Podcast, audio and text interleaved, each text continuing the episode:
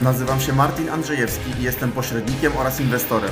Będę prezentował Ci treści z zakresu nieruchomości, inwestycji i biznesu. Przeszedłem ścieżkę od pracy na etacie do własnej działalności, a teraz dążę do pełnej wolności finansowej. Sposobów na finansowanie nieruchomości jest co najmniej kilka, a każdy z nich może nadawać się bardziej lub mniej na flipa lub na wynajem. Pierwszym podstawowym sposobem oczywiście są Twoje środki własne. Jest to bardzo bezpieczna forma inwestowania, ponieważ każdy przestój, na przykład przy remoncie lub sprzedaży podczas flipa oraz pustostany przy wynajmie, dużo mniej Cię bolą. Nie płacisz nikomu odsetek, nie musisz nikomu oddać żadnych pieniędzy, ponosisz jakieś małe koszty, ale nie ma tragedii.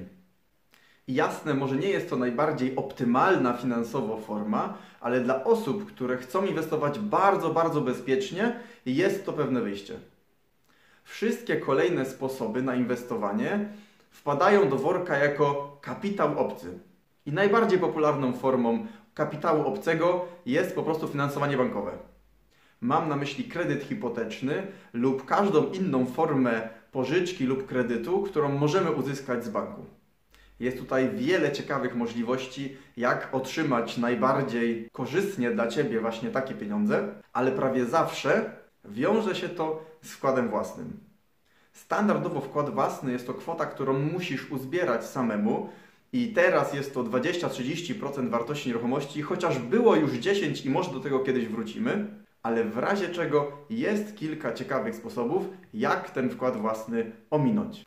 Kolejnym zewnętrznym źródłem pieniędzy może być pożyczka prywatna. Osoby z nadmiarem kapitału czasem chcą pożyczyć go komuś, kto potrzebuje tych pieniędzy, oczywiście również na procent. I to dużo wyższy procent niż ten, który możemy uzyskać w banku. Finansowanie takie może opłacać się przy flipie, jeżeli szybko sprzedamy nieruchomość i spłacimy pożyczkę, wtedy przez krótki okres płacimy te wysokie odsetki. Przy wynajmie nieruchomości jednak długoterminowo takie coś może być nieopłacalne. Z takiej pożyczki możemy skorzystać, jeżeli brakuje nam teraz środków, żeby kupić nieruchomość na przykład za gotówkę, a następnie później z jakichś środków własnych lub innego kredytu spłacimy tą pożyczkę. Kolejnym źródłem może być pasywny inwestor.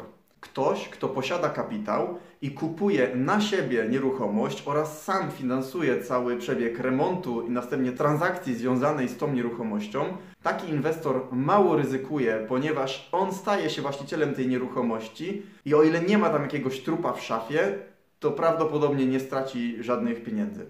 Ty zaś wkładasz w cały ten układ swoją pracę, wiedzę, doświadczenie, know-how. Następnie ze sprzedaży takiej nieruchomości dzielicie się zyskiem na przykład pół na pół. Są jeszcze inne różne formy współinwestowania, które mają za zadanie umożliwić osobom nieposiadającym odpowiednich środków lub zdolności kredytowej na wspólne inwestowanie.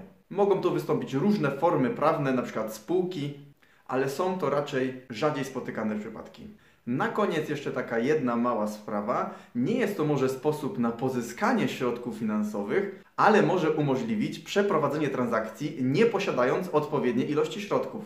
Być może sprzedający zgodzi się na to, aby odroczyć w czasie płatność za sprzedaną nieruchomość. Jeżeli zaproponujemy mu większą cenę, ale z płatnością odroczoną na przykład o 6 miesięcy, może być to dla niego interesujące. Jeżeli tak samo postąpimy, na przykład z ekipą remontową, to wychodzi na to, że cała praca dzieje się bez udziału pieniędzy, a będziemy musieli je wszystkie zwrócić dopiero po czasie, w którym, miejmy nadzieję, uda Ci się przeprowadzić całego flipa. To podejście jest już trochę bardziej ryzykowne, ale zostawiam je do rozważenia. Tyle na dzisiaj, do zobaczenia, do usłyszenia. Dziękuję Ci za wysłuchanie tego odcinka. Jeżeli w Twojej ocenie był on wartościowy, to pamiętaj, żeby wiedzę od razu zamieniać w działanie. Możesz też subskrybować ten kanał i znaleźć mnie na innych mediach.